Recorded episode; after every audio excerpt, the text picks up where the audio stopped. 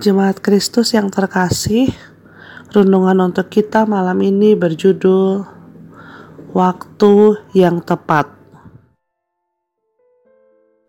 Dan bacaan kita diambil dari kitab Lukas 18 ayat 31 sampai 34. Beginilah firman Tuhan.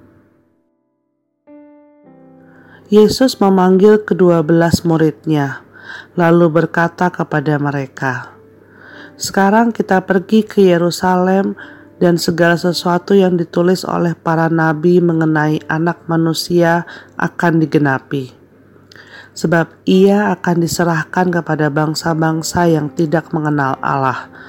diolok-olokkan, dihina, dan diludahi, dan mereka menyesah dan membunuh Dia dan pada hari ketiga ia akan bangkit.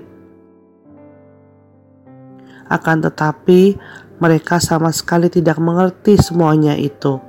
Arti perkataan itu tersembunyi bagi mereka, dan mereka tidak tahu apa yang dimaksudkan. All in a good time. Mungkin beberapa di antara kita pernah mendengar peribahasa ini Artinya, kurang lebih adalah hal yang baik akan datang di waktu yang baik pula.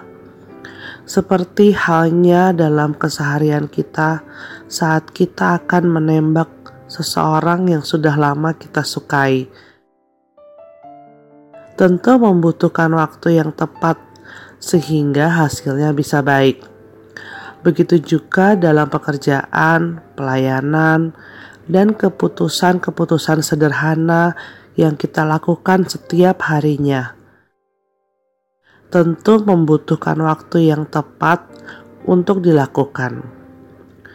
Contoh ini menggambarkan apa yang ingin disampaikan Yesus melalui bacaan di atas. Dalam bacaan ini dikatakan bahwa sudah tiba waktu yang tepat bagi Yesus untuk pergi ke Yerusalem sesuai dengan yang ditulis oleh para nabi di masa lampau tentang dirinya yang akan digenapi di sana. Di Yerusalem, Yesus akan menyelamatkan dunia dari dosa, namun dengan cara yang tidak terduga, karena Ia akan disesah, disalib, dihina, diludahi, dan akhirnya dibunuh. Namun demikian, walaupun Tuhan sudah menyampaikan tentang hal ini kepada para muridnya sebanyak tiga kali, tampaknya memang belum waktunya bagi mereka untuk memahami makna dari perkataan Yesus ini. Tetapi bagi kita yang hidup di masa kini, pasti sudah mengerti arti dari perkataan Yesus, yaitu mengenai penyalipan di Bukit Golgota. Namun bagi para murid Yesus di masa itu, maksud ini tersembunyi. Inilah yang dimaksud dengan hikmat Allah, yaitu cara dan waktunya selaras dengan kehendak Allah. Sama halnya dengan kehidupan kita. Kita tidak pernah tahu kapan waktu yang tepat menurut Allah. Tidak jarang kita terbelenggu dalam kebingungan dan ketakutan karena apa yang kita rencanakan dan inginkan tidak sesuai dengan waktu yang menurut kita paling tepat. Bahkan sering kali kita marah kepada Allah karena merasa Allah tidak peduli. Misalnya saat kita mengalami kedukaan, relakah kita membiarkan cara dan waktu Allah yang bekerja atas kehidupan kita? Sesungguhnya semua akan indah pada waktunya.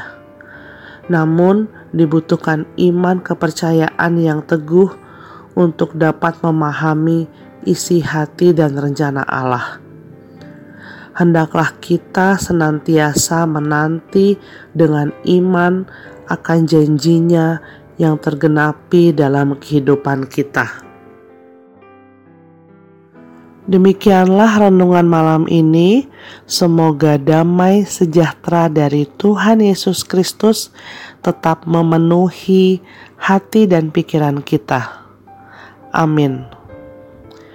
Jemaat yang terkasih, mari kita bersatu hati menaikkan pokok-pokok doa yang ada dalam gerakan doa 21 GKI Sarwa Indah. Mari berdoa.